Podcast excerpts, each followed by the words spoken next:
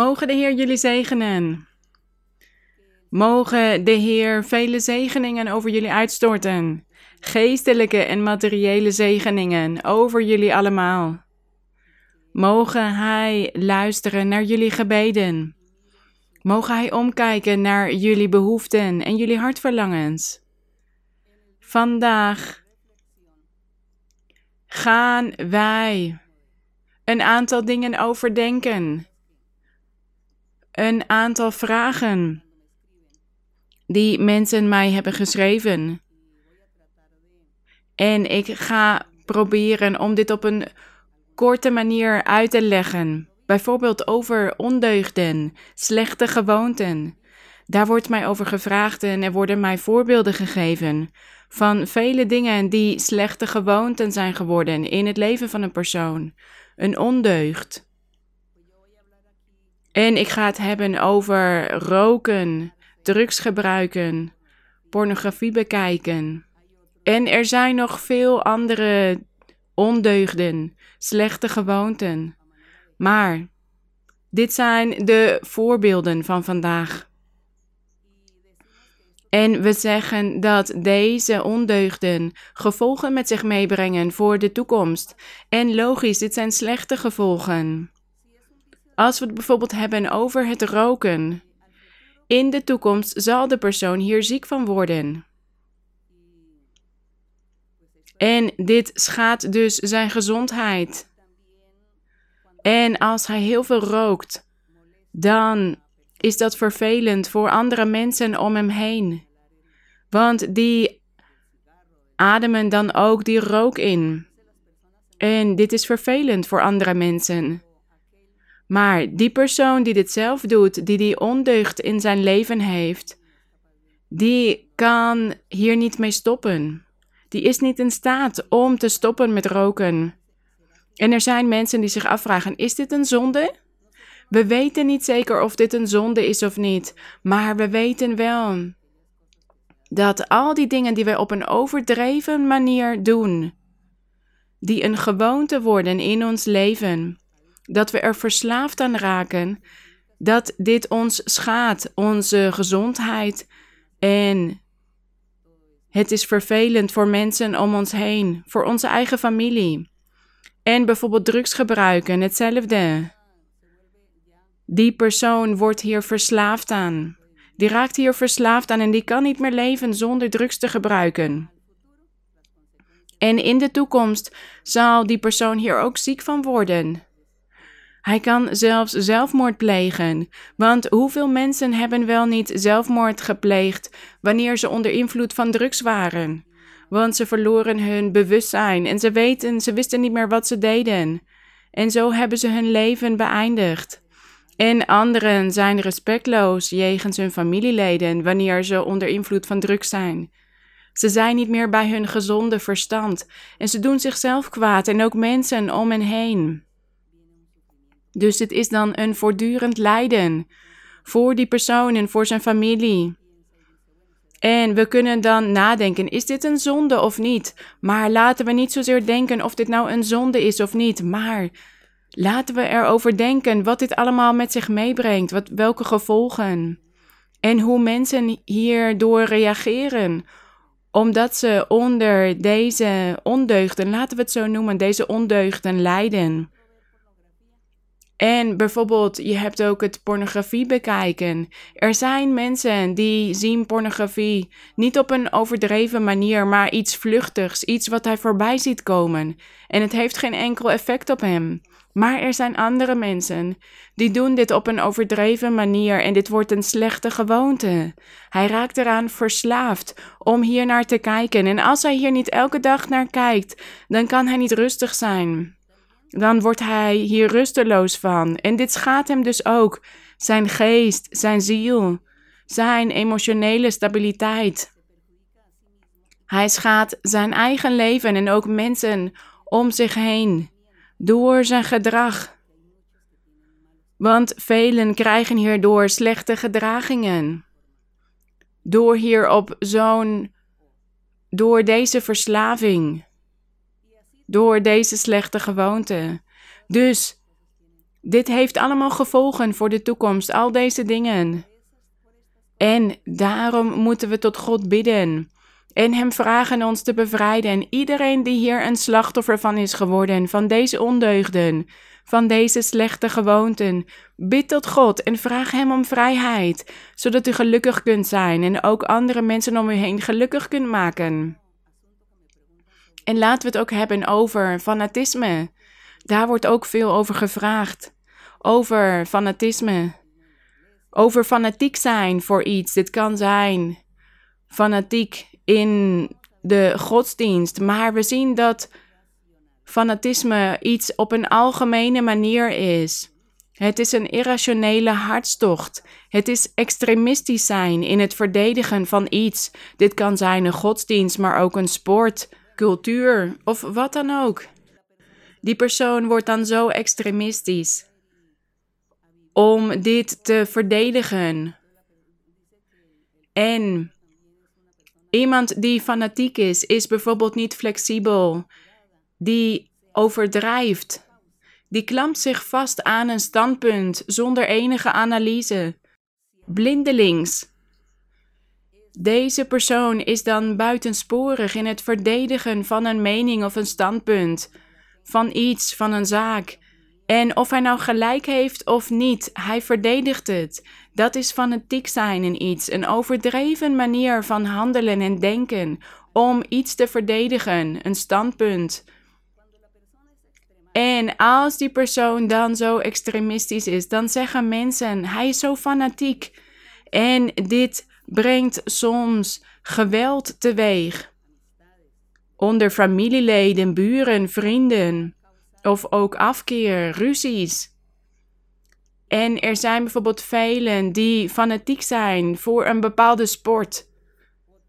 Of anderen zijn fans van zangers, acteurs, beroemde personen. Daar worden ze een fan van, fanatiek. En zij kijken dan naar alles wat die personages doen. Maar dit veroorzaakt ook vijandschappen en oorlogen, strijd, ruzies in de families. Vanwege dit fanatisme. Vanwege deze overdreven manier. In de Bijbel vinden we dit woord fanatisme niet. Maar er zijn ook mensen die zeggen dat wanneer iemand bijvoorbeeld elke dag naar de kerk toe komt, of zich erg heeft toegewijd aan de kerk, dat hij dan fanatiek is. Maar nee, dat is geen fanatisme. Fanatisme is wanneer een persoon overdrijft zonder dit te analyseren, zonder te beredeneren. Dat hij dingen op een overdreven manier doet.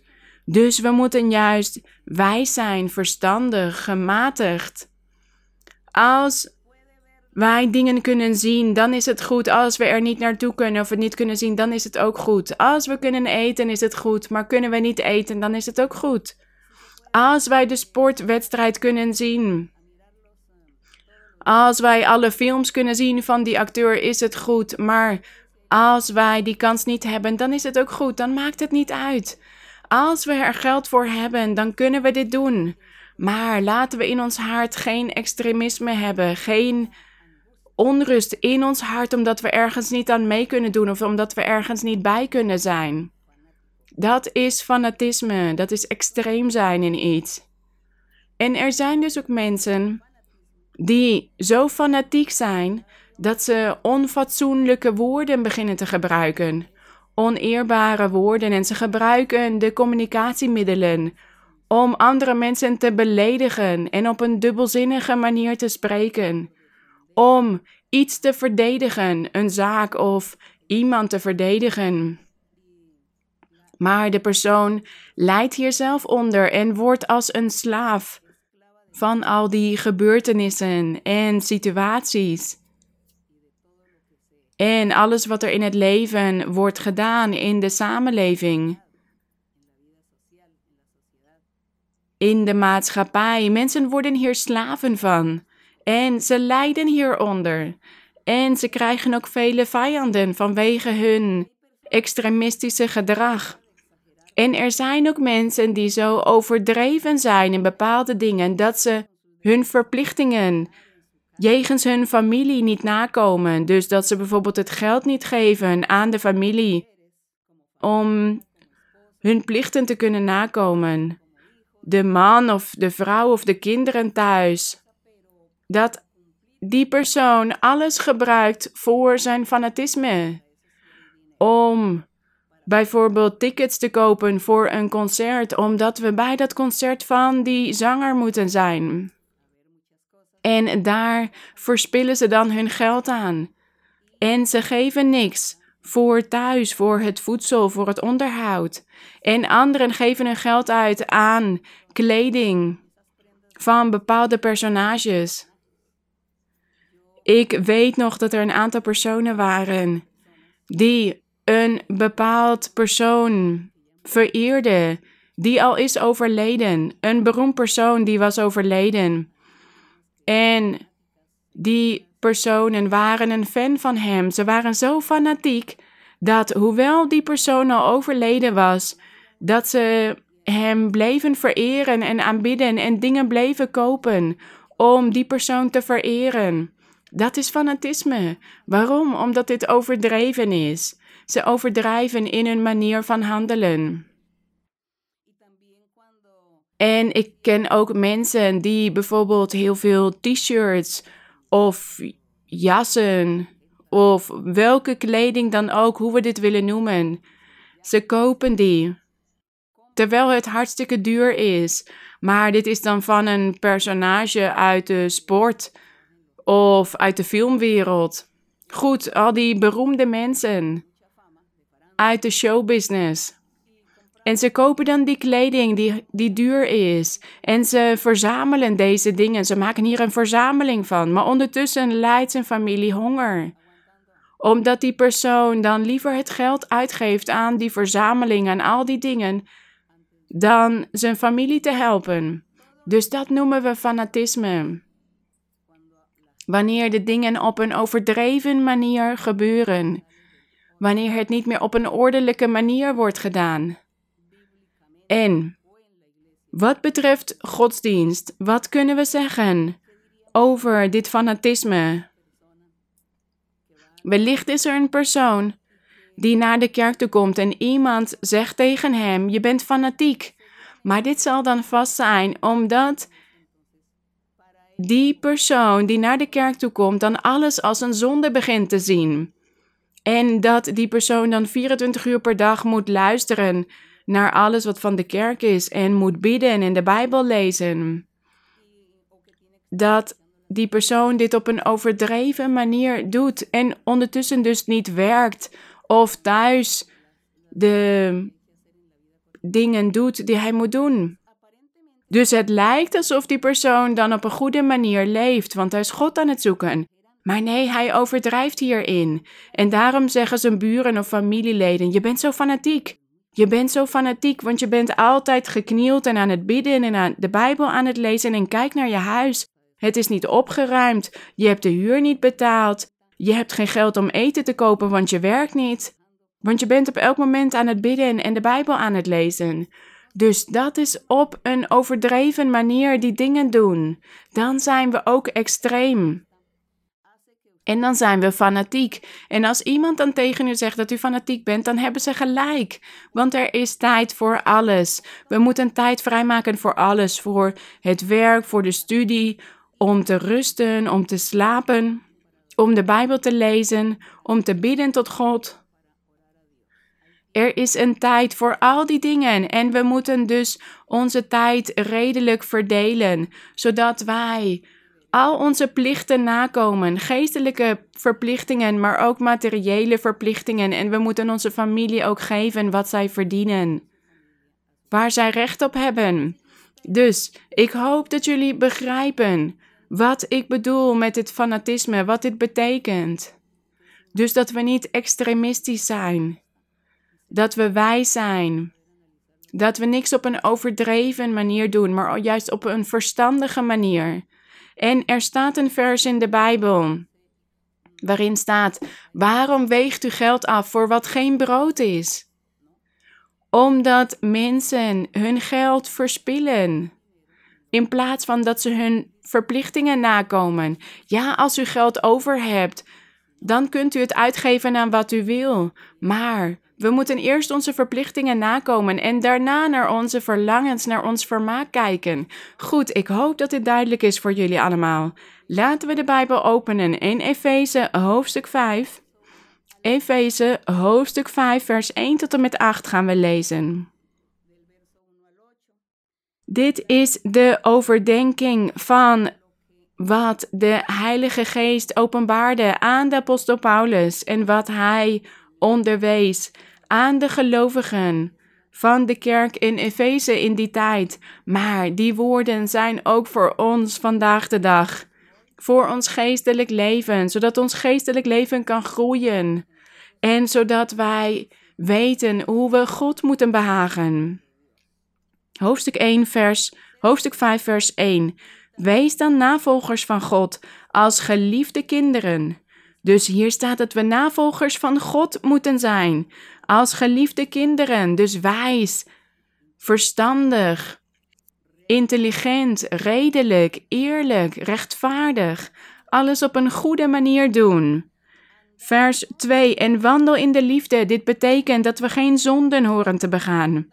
Wandel in de liefde zoals ook Christus ons lief gehad heeft en zichzelf voor ons heeft overgegeven als een offergave en slachtoffer, tot een aangename geur voor God. De Heer Jezus Christus was een offergave en slachtoffer geworden voor de Vader, zodat wij het koninkrijk van God konden binnengaan, zodat wij kunnen genieten van deze geestelijke zegeningen. Alles wat God de mens die gelooft in Hem aanbiedt. Vers 3.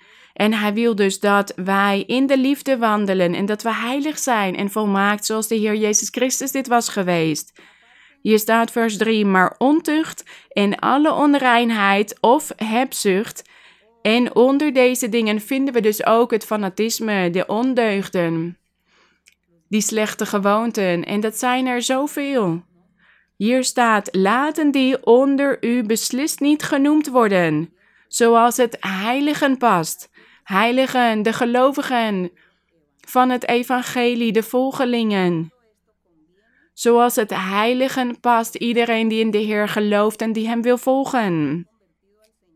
Dus deze dingen mogen niet onder ons genoemd worden. En wij horen dus deze dingen ook niet te begaan in ons leven, te doen. Vers 4. En evenmin oneerbaarheid of onfatsoenlijke woorden, dwaze praat en lichtzinnige taal. Dit zijn zonden die onbehoorlijk zijn, maar veel meer past dankzegging. Dat is wat wij horen te zeggen. Dat wij God bedanken voor alles wat we van Hem ontvangen. Veel meer past dankzegging. Want dit moet u weten: dat geen enkele ontuchtpleger onreine of hebzuchtige, die een afgodendienaar is, dus iemand die de geboden van God niet in acht neemt. Die kan geen erfdeel hebben in het koninkrijk van Christus en God. Dus dit moeten we allemaal vergeten. Onreinheid. Onreinheid is dus ook die pornografie bekijken en die drugsverslaving. En nog vele andere dingen die mensen met hun lichaam doen. En daar moeten we afstand van nemen. Want we moeten leven zoals de Heer heeft geleefd. Zoals Hij heeft gewandeld, heilig en op een oprechte manier. Vers 6. Laat niemand u misleiden met inhoudsloze woorden, want om deze dingen komt de toorn van God over de kinderen van de ongehoorzaamheid. En dat willen wij niet zijn, kinderen van de ongehoorzaamheid. Wij willen juist gehoorzame kinderen van onze God zijn. Vers 7. Wees dan hun metgezellen niet.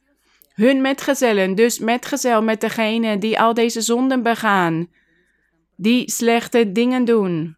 Wees dan hun metgezellen niet, dus wees niet met hen. Ga niet met hen om. Bemoedig hen niet aan in wat zij doen. Want als u bij die persoon bent en u, en u bemoedigt hen aan en u deelt met hen, mensen die dit soort zonden begaan, dan betekent dit dat u het eens bent met wat die persoon doet met zijn leven. En op die manier bent u ook God aan het beledigen, ook al doet u hier zelf niet aan mee. Maar u beledigt God door een metgezel te zijn, door te delen met dit soort personen die in dit soort slechte dingen leven. Hier staat vers 8, want u was voorheen duisternis. Ja, we waren onwetend voorheen, maar nu bent u licht in de Here.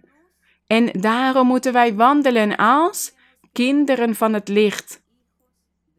Wandelen als kinderen van het licht, dus daarvoor moeten we de geloofsleer kennen en die beoefenen, die doen in ons leven.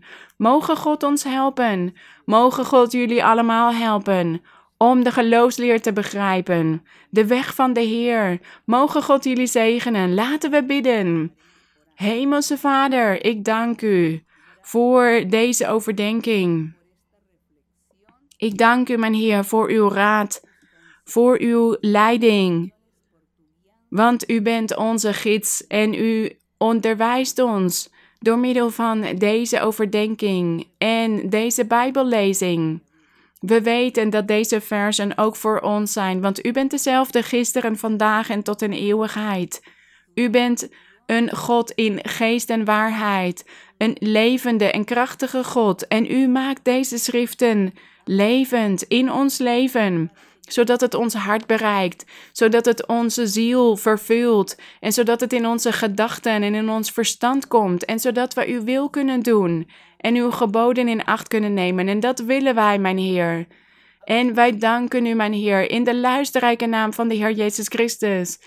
En wij vragen u, mijn Heer, op dit moment om wonderen te verrichten. Strek uw hand uit, mijn Heer, en doe wonderen in ouderen, kinderen, volwassenen. Mogen iedereen bevrijding ontvangen. Neem hekserijen, tovenarijen, vervloekingen weg. Het werk van de vijand. Neem ook fysieke ziekten weg. En psychische ziekten. Breek ketens. Verbreek al die banden van de vijand. Zegen iedereen en bevrijd, meneer. Geef in overvloed. Geef blijdschap en vreugde en vrede. We danken u, gezegende God, in de naam van Jezus Christus. Amen. De glorie zij aan de Heer. Laten wij koor 46 zingen. Koor 46. Dit koor heet het ochtendgloren was nog niet aangebroken. Maar we hebben het niet over een fysiek ochtendgloren of een fysieke dageraad. We hebben het erover dat het eerste wat wij in ons leven moeten doen, dat we God moeten bedanken en tot God moeten bidden, dat dat het eerste is in ons leven. Daarom noemen we dit het ochtendgloren. De eerste plek is voor onze God en daarna alle andere verplichtingen en alle dingen in ons leven. Laten we gaan zingen. Het ochtendgloren was nog niet aangebroken. En ik zocht naar het aangezicht van God. Het ochtendgloren was nog niet aangebroken. En ik zocht naar het aangezicht van God. O Heer, o Heer, wees mij toch goed gezind. Neem weg al mijn problemen, want ik vertrouw op u. O Heer, o Heer, wees mij toch goed gezind. Neem weg al mijn problemen, want ik vertrouw op u. Het ochtendgloren was nog niet aangebroken. En ik zocht naar het aangezicht van God. Het ochtendgloren was nog niet aangebroken. En ik zocht naar het aangezicht van God. O Heer, o Heer, wees mij toch goed gezind. Neem weg al mijn problemen, want ik vertrouw op u. O Heer, o Heer, wees mij toch goed gezind. Neem weg al mijn problemen, want ik vertrouw op u. De glorie zij aan onze God. We danken onze Heer. Mogen God jullie groots zegenen. Ik hou van jullie in de Heer. Tot binnenkort.